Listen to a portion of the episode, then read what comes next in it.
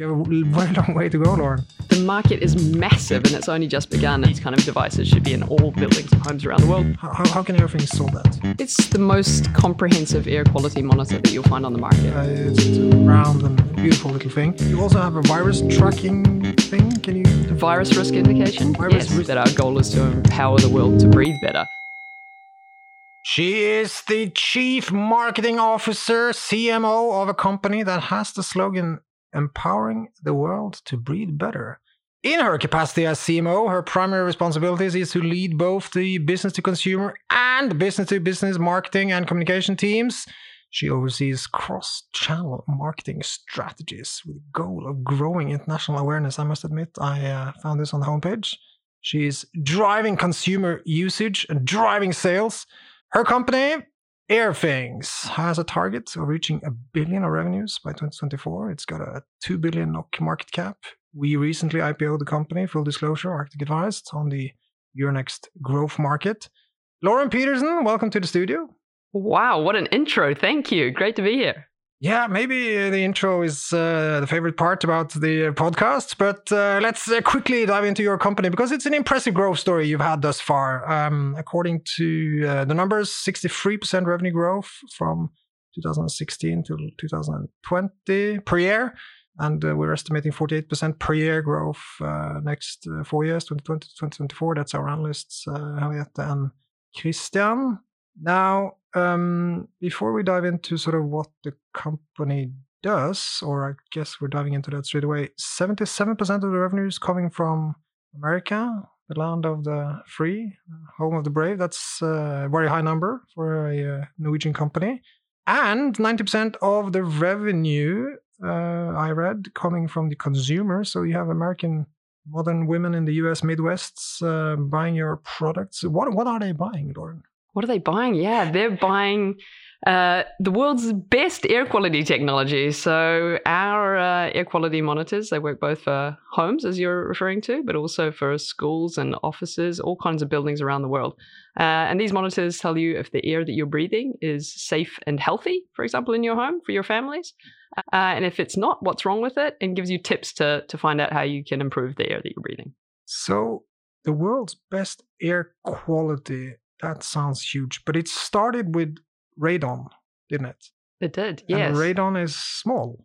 Radon is a very, very small, and uh, I read on Wikipedia, colorless, or smellless, and tasteless gas, not detectable by human senses alone. That sounds a little bit like a mystery. So, uh, what is the history here? How, how did uh, people in Norway or people in Airthings start looking into radon? Yeah, well, you, you say that radon's small, but actually it's a massive issue around the world. Uh, we were lucky, the company was lucky enough to have these three or four radon scientists, these guys that were working in CERN down in Switzerland. Norwegian guys? Norwegian guys, uh, two Norwegian guys, and uh, uh, another guy who's kind of Portuguese Brazilian. Uh, which shows you the diversity of our company. So these guys came together and they actually found a new way to detect radon, and they developed the world's first r- digital radon detector. Because Which, which year are we in now? uh, the company was founded in 2008.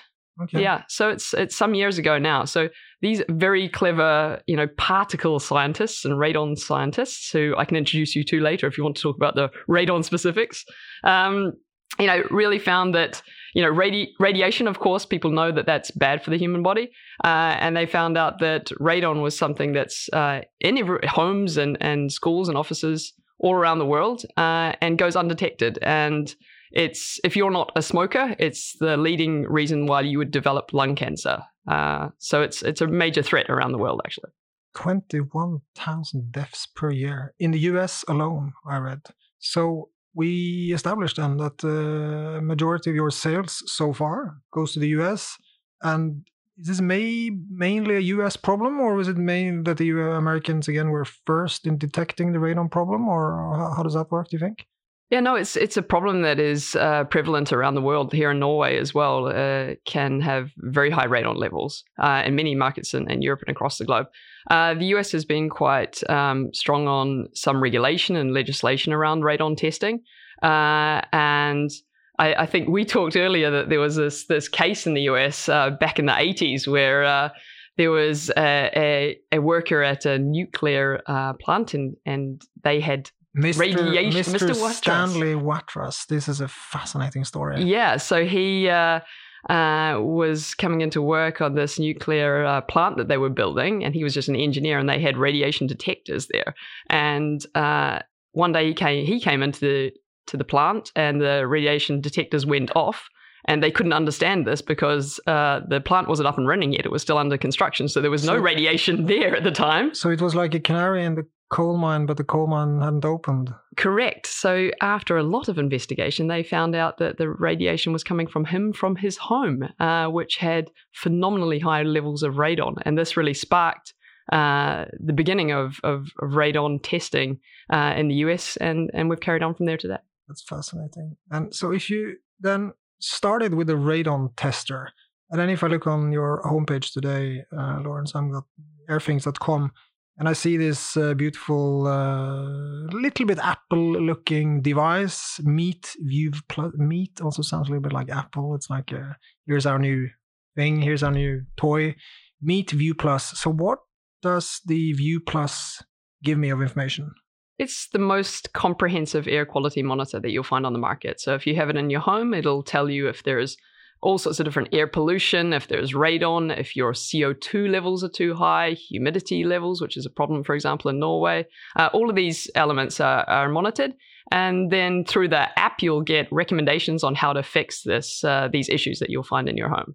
Also, if you have it in a business setting, so if it's in meeting rooms or offices, uh, it'll tell you about the air quality there. And that's obviously become a much higher um, issue for people over the last years or so to, to keep make sure that the air quality in their working space is also important. And before we go to working spaces, what if you're playing chess, for example? I believe that uh, Bobby Fischer was complaining a lot about the uh, poisonous air when he was playing as the Russians in the 70s. Well, but, uh, thanks for asking, Otto. Well, we are the proud partners of the uh, Champions Chess League, so the air quality partners.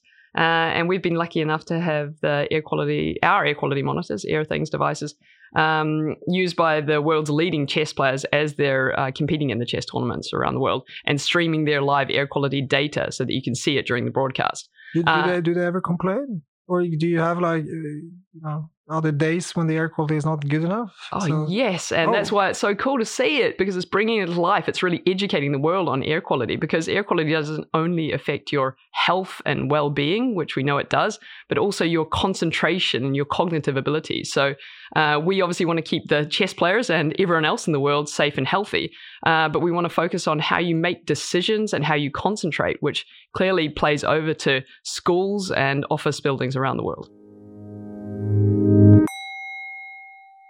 I'm going to jump into this building that we're um, in Arctic headquarters, and I may be getting in trouble for saying this, but it's a beautiful building, and uh, we moved here in 2009, I think, and uh, I checked on uh, Akershus and some of these real estate brokers are estimating five to six thousand crowns per square meter in rent, which is quite a lot. And uh, well, I mean, we open the windows when it's warm outside, and I also and, and if there is a, a, change, if there is a little bit of a cold snap, it's so cold in our building. Now, uh, I'm obviously criticizing, but um, uh, how can you solve this problem possibly for us, uh, or help us solve this? Uh, it seems like a very old-fashioned problem we have with this building, uh, Lauren. How, how, how can Airthings solve that? Absolutely. I think you're onto it. I mean, the tenants should be demanding great air quality from these kind of buildings. Uh, and, you know, with our sensors, obviously we can sense all types of different air quality parameters. Uh, if it's too hot, if it's too cold, if there's too much CO2. Uh, and not only help your sort of facility managers or whoever's running the building if they want to make the changes themselves, but more and more we're going towards automating the fix so that we can have our sensors trigger when ventilation or heating goes on. Uh, and the benefit of this is to make sure that not only the people inside the buildings stay healthy and happy and don't complain about being freezing or sweating or unhappy, uh, but also that it can really optimize energy savings because you don't need to have ventilation and heating running around the clock. You need to have it on when there are people in the building. And when these levels start to rise, it needs to be able to react automatically. And that leaves us to another very important point, which is uh, energy consumption. So, obviously, in Norway, people don't generally care. We turn off or would never turn off the lights. Uh, you only have to go to Denmark where they have these uh, automatic uh, light switches going off. But in Norway, people kind of used to electricity being very cheap. But 40% of CO2 emissions in the world is uh, driven by buildings. Buildings. So you are a very green company in that. How, how does that work? Yeah, we see that the air you breathe is not only, you know, it's not only important for your own health, but how we deal with this within buildings to make sure that people stay healthy is a major contributor to the CO2 emissions that come out of buildings. So, for those companies who want to turn their building into something that's um, a negative for the environment, you know, how do we start to help them become a positive impact? Uh, we, you know, we talked about earlier that our goal is to empower the world to breathe better. Um, we, I spend in my capacity as as marketing officer is to educate people on not only how the air impacts us, but how we can impact it when it comes to carbon emissions and sustainability. So, you know, by monitoring the air quality in your building, you find out your status. So, what is it? And how does it change throughout the day and the week uh, and the workday and the weekend? Uh, and then, if you can link up your ventilation and heating systems, to react to these sensors, you'll not only have happier, healthier people inside, but you'll be paying less when it comes to energy bills and you'll be creating a healthier, sustainable, more sustainable environment. Yeah, so you're paying less and you're spending less CO2, or how does it go? You're wasting less CO2, right? That's Correct. Uh, basically yeah. the same uh, thing, even before we have a carbon tax. So, and the biggest upside from your uh, future, obviously, then is the B2B. Uh, so, so B2B is that offices is that another way of saying? Uh... Yeah, it could be, but it could be schools, it yeah. could be restaurants, it could be any kind of public commercial buildings. All of this area, we see uh, phenomenal growth as people start to focus more and more on the health and well-being of occupants, but also on this kind of sustainability element where they want their buildings to uh, better for the environment. And you would sell directly, you think, to this office building, or you would sell to a company that would offer I don't know the uh, electricity and also the um, the heating and the whole service. There are there are service companies as well that does all these. Uh, yeah, that's uh, right. Sort of facility management facility companies. Management, yeah, yeah. we we do both. So we yeah. we sell cert, certain amount uh, direct to companies. So we can absolutely help you with your building here, uh, but we also sell through uh, partners around the world too. So our analysts looked at the potential, and uh, so I think the home uh, sort of air quality control uh, potential is sixty million, sixty billion dollars. Excuse me, that's a large number in terms of a TAM, tangible addressable market. However, the business is two hundred eighty-eight billion, so that obviously leaves a three hundred fifty billion dollar total addressable market uh, combined, and uh, yeah, we touched upon it. We're we're not there yet, right? We are selling for uh, we have a target of selling for one billion crowns uh, versus a three hundred fifty billion dollars potential. So you have a very long way to go, Lauren. The market is massive and it's only just begun. And I see my role as really we're spending a lot of time on educating people and still building this whole category when it comes to air quality and the importance of it. Uh, we work with uh, the American Lung Association and for example, the Champions Chess Tour and, and all these partnerships to build that kind of awareness. Uh, we spend a lot of time creating content to educate people around the world, and there are often times when journalists are starting to come to us to learn the facts about air quality and how this can develop. Um, you know, one of the reasons I joined Airthings was that I saw, um, you know, probably three mega trends coming into the market that that started to collide uh, that made it such an attractive uh, company to join. Um, one is the fact that people are more and more focused on health, and this was before the COVID pandemic. The focus on health was was was growing more and more. Um, and of course, the focus on air quality and sustainability and the understanding of what's in the air around us and how we impact it and how it impacts us was growing. And then finally, the technology when it comes to smart home connected devices, property technology, this kind of automations. When you put all these three things together, Airthings is phenomenally positioned to, to take a, a huge chunk of this market. Yeah, let's touch a little bit about your background because you have an exciting CV, uh, which I uh, glanced upon. And so uh, let's start with uh, let's start with your your starting point was in uh, marketing, right? So you worked for uh, McCann and that was a Grey, large uh, global advertising companies, which I guess uh, has a bit of a benefit now that you're CMO. Yes, I uh, well, I'm from New Zealand originally, uh, and I went over to the States to study. I took a tennis scholarship actually. Uh, and was lucky enough to, uh, straight out of college, go into some of the world's largest advertising agencies. So you mentioned Grey and McCann Erickson, first in New York and then in London. And I got incredible experience when it came to the fundamentals of market research and brand positioning, campaign management, media buying, these kind of fundamentals. Um, and then when I was moving over to Norway 13 years ago, I really made the switch to working uh, for startups or scale ups where I could take that knowledge and bring kind of Norwegian or Nordic companies out to the world and use that global knowledge or um, experience to their better. Because I looked at your uh, timing and you were at Opera Software, which is now called Otello, at a very good co- time for the company. That company has had its up and downs. We're not going to go through that, but uh, just uh, looking at your public LinkedIn profile, you started in 2009 and you left in 2013. Stock went up 266% uh, or 33% uh, per annum in that period, uh, which was beating the local index by well, it was up uh, more than uh, more than double the local index. So that was a pretty good timing. So, what was the best thing about working at Opera Software? Well, uh, first of all, I, I do take single handed uh, credit for that fantastic uh, growth. So thanks for mentioning it. no, uh, it was uh, it was a phenomenal team that showed how you can work in diverse environment and grow a Norwegian company to be something massive around the world. So to be part of that incredible global growth was just phenomenal. I mean, uh, you know, so we were talking it, about was, hundreds of millions of people using the Opera Mini browser. That was the thing, wasn't it? It was one of the world's large. It was probably maybe the world's largest browser in terms of number of people using it. They never made any money out of that, to be fair, but it was huge user success. It was it was um, it was massive, right? So it was uh, a culmination of things. So in some markets, it was it opened up the internet to people who had never had access to it before. So people could access the internet through some old Nokia phone that had been passed down for many years before. It was the first time they could get online in some countries.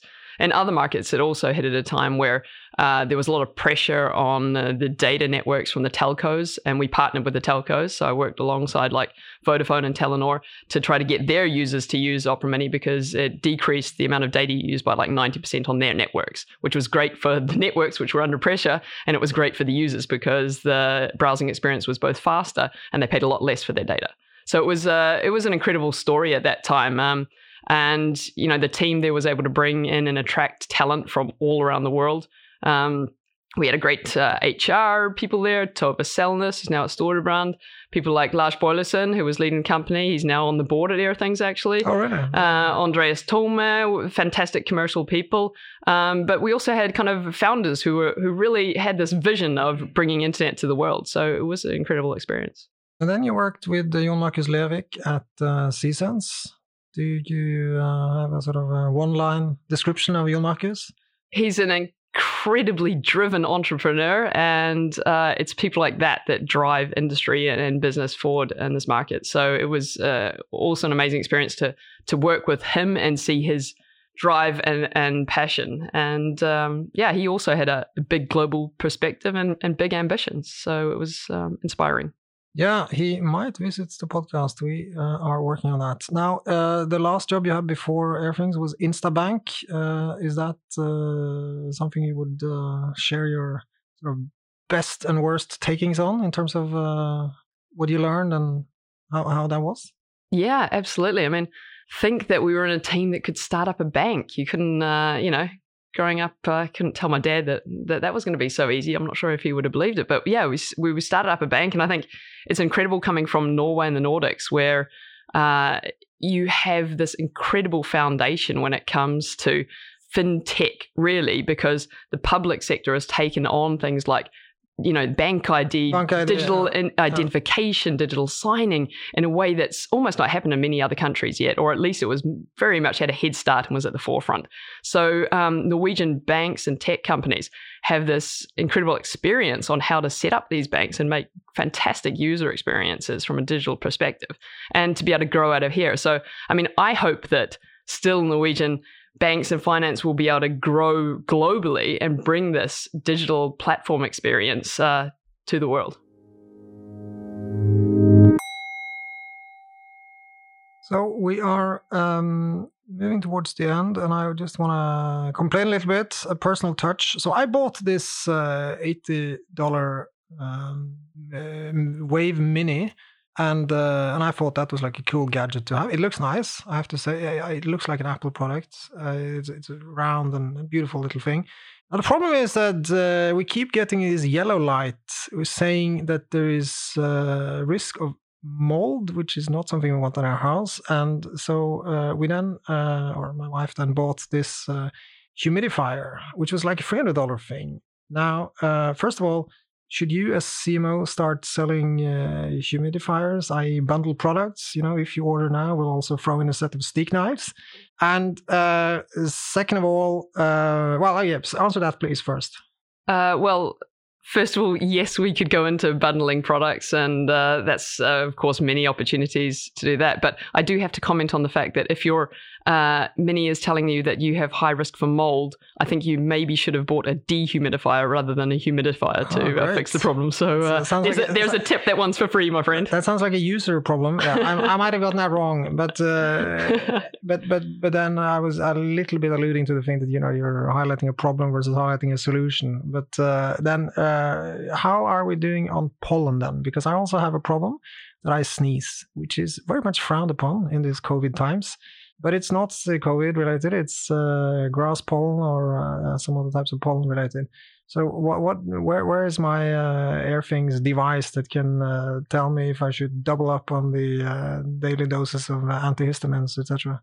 Well, thank you for asking because that is uh, the recent feature release. We came out with My Pollen Levels, which gives you live and local pollen data uh, straight to the Airthings app. It's available for all Airthings uh, users. So, so it's on my existing little mini. It is indeed. It's on your app. So, oh, if you go into your app, you'll be able to find your own pollen levels, which will tell you not only how the levels are, but like what are the main pollen. If, it, if you're allergic to birch versus uh, grass, for example, it'll tell you how how you're going and how it's moving across the map.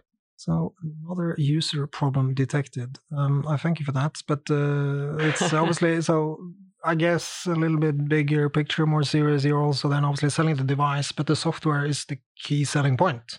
Yeah, I mean, we are really a hardware-enabled software company, so it is this um, the user interface, which makes it easy for people to learn and understand about the air they're breathing, and and we're going more and more, as you say, into fixing the problem. So not only giving people tips about how they can make their air quality better, but uh, really integrating with smart home and and smart building kind of solutions to automate the pro- automate the fix. What do you think is the future of office work? Are we looking into a post-COVID world where we come in and there's a little Airthings device in the corner of the office and we check it and then we see uh, if there's a pollen level or you also have a virus tracking thing can you virus risk indication virus yes. what is a virus risk indication it's it's really focusing on uh, how viruses spread through the air, so airborne virus risk. Um, and I think there's been more and more stories, obviously, over the last uh, few weeks like and months about how how viruses transmit through the air, and it's really related to things like humidity levels. Um, you know, we, you know, if you look at CO2, that's an indication of how much of the air you are breathing that someone else has already breathed out. So that's a fair indication of that uh, there could be an increased level of, of virus risk. Um, I think that the future is that people are going to demand more from their office spaces, like you talked about. Uh, when you come into the office, you want to know that it's healthy and safe, and having healthy air should be, uh, you know, should be a right. So I think these kind of devices should be in all buildings and homes around the world. Of course, I'm biased, but I think you'll see that people are going to be um, asking for healthier, uh, happier working spaces moving forward. Yeah, it's a good point, isn't it, that we breathe in someone else's air because people maybe have been sitting a little bit too close to each other in the past. So with all this sort of flexible working, maybe you know more people work half the time or some of the time. What do you think yourself? Just personal question at the end. Are you going to be working more from a 50-50, working from home, working in the office uh, in 2022, say, or is that yeah, I don't know exactly how it's going to work out. Yeah, it's going to be interesting, but uh, I think people have been opened up to flexibility. I mean, things have gone well for us when things have been all digital, so it hasn't been a problem. But I still love meeting people in person. You know, it's so exciting to come and be in an office today and see somebody in person. It was like a party. So, uh, you know, uh, I think there's going to be a nice combination of flexibility, and it's given a chance for people to stop up and think what's really right for them. And final question What do you look uh, most forward to once we are well and truly all vaccinated or uh, finished with this uh, pandemic? Uh, I look forward to finally seeing my parents again, who are living in uh, New Zealand. They've been uh, it's a bit of a journey, happy and healthy uh, in New Zealand, which uh, where daily life goes about pretty much like normal because they have uh, basically no COVID cases, but they can't leave the country. Really, It's simple to shut off the borders. Yeah. yeah, that and going having some nice glasses of wine and some nice meals at a restaurant. Maybe it'll time with Solsiden opening or something. I look forward to that. That sounds fantastic. Uh, Lauren, thank you very much for uh, showing your enthusiasm for a uh, clean air world with us in the Arctic Podcast. Uh, thank you very much. Thank you. This podcast has been prepared by Arctic for information purposes only. The information, opinions, and recommendations presented in this podcast are for general information only, and any reliance on the information provided in this podcast is done at your own risk. This podcast should not be considered professional advice. The information provided in this podcast is not intended to constitute investment advice, nor is the information intended as an offer or solicitation for the purchase or sale of any financial instrument. Relevant and specific professional advice should always be obtained before making any investment or credit decision. It is important to note that past performance is not indicative of future results. This podcast does not fulfill the criteria for preparing investment research and must be seen as marketing material. All information submitted during this podcast is obtained from public sources that Arctic believes to be reliable, but which Arctic has not independently verified. Arctic makes no guarantee, representation, or warranty as to its accuracy or completeness. No liability whatsoever is accepted for any direct or indirect, including consequential, loss or expense arising from the use of information from this podcast.